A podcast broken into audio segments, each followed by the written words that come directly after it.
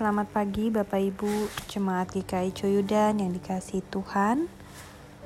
Saya berharap semua kita pagi hari ini dalam keadaan penuh sukacita Karena diberi nafas kehidupan oleh Tuhan Yang artinya kita diberi satu kali lagi kesempatan untuk menjadi lebih baik dari hari yang kemarin Pagi hari ini saya ingin mengajak kita untuk bersama-sama merenungkan satu bagian Alkitab dari Roma 8 ayat 28. Roma 8 ayat 28 yang berbunyi, kita tahu sekarang bahwa Allah turut bekerja dalam segala sesuatu untuk mendatangkan kebaikan bagi mereka yang mengasihi Dia, yaitu bagi mereka yang terpanggil sesuai dengan rencana Allah.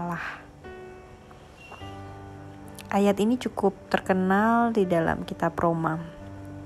Saya teringat ayat ini ketika tepat semalam waktu saya sedang memikirkan apa tema yang akan saya bagikan dalam renungan pagi hari ini.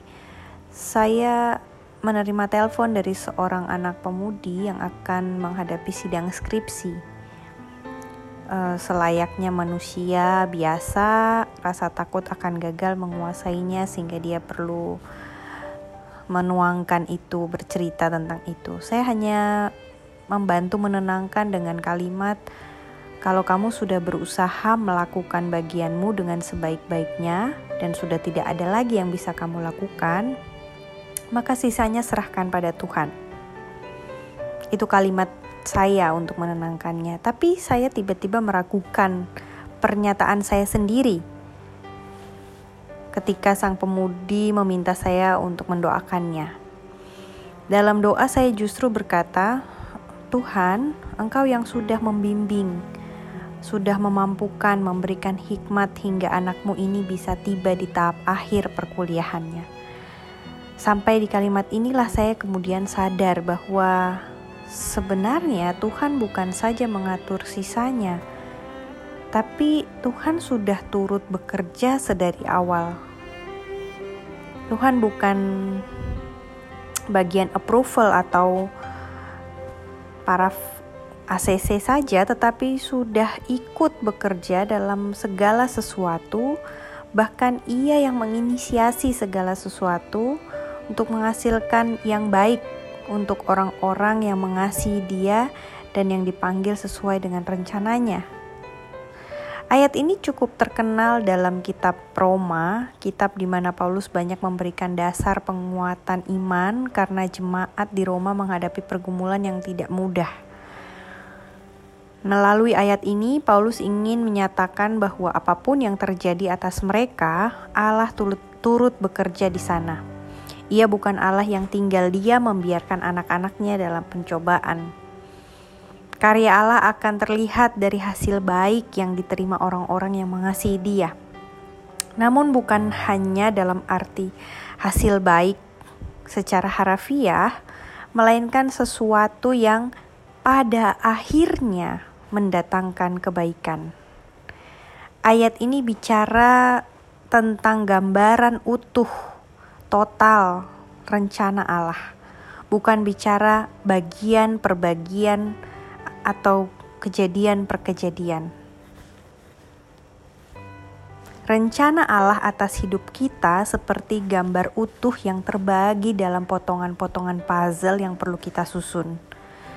Jika kita hanya melihat secara segmented, bagian per bagian terpisah, maka kita bisa saja salah mengira Misal anak mahasiswa tadi menerima hasil baik dari sidang skripsinya, berarti kita akan meyakini bahwa Allah turut bekerja dalam segala sesuatu. Tetapi bagaimana jika hasilnya ternyata tidak seperti yang diharapkan? Akan dengan mudah kita terjebak pada pemikiran bahwa Allah tidak turut bekerja atau mungkin ada kesalahan dari si anak tersebut, si pemudi tersebut yang membuat hasilnya tidak sesuai dengan rencana Allah.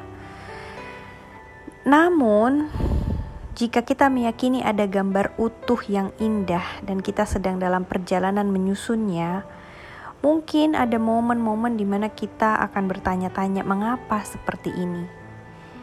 Dan pada suatu saat, ketika puzzle itu mulai tersusun, barulah kita akan mengerti, "Oh, ternyata kebaikan ini yang direncanakan Allah."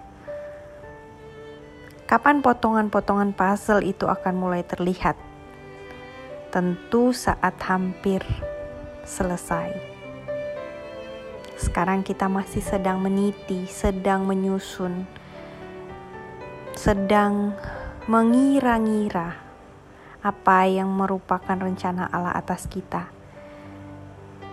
Dan kita perlu melakukannya dengan sebaik-baiknya. Menyusun potongan demi potongan dengan sebaik-baiknya. Di situlah perjuangan kita. Di situlah butuh pengharapan. Dan di sanalah kita berada saat ini untuk terus berharap akan kasih dan penyertaan Tuhan atas kita semua sehingga kita bisa melihat rencana utuh Allah atas hidup kita. Tuhan menolong kita semua. Amin. Mari kita berdoa. Ya Allah yang maha baik, kami percaya rencanamu atas hidup kami. Walaupun terkadang sulit kami meyakini bahwa segala sesuatu mendatangkan kebaikan, namun kami tetap bisa merasakan kasih dan penyertaan-Mu. Dan biarlah cinta itu yang memenuhi hati kami untuk terus dapat berharap dan pada akhirnya kami mampu melihat rencana utuh Allah yang indah atas hidup kami. Biarlah kami mampu menjalani hari ini sebagai bagian perjalanan kami menyusun puzzle-puzzle kehidupan kami seperti yang Allah inginkan. Di dalam nama Tuhan Yesus Kristus, kami berdoa. Amin.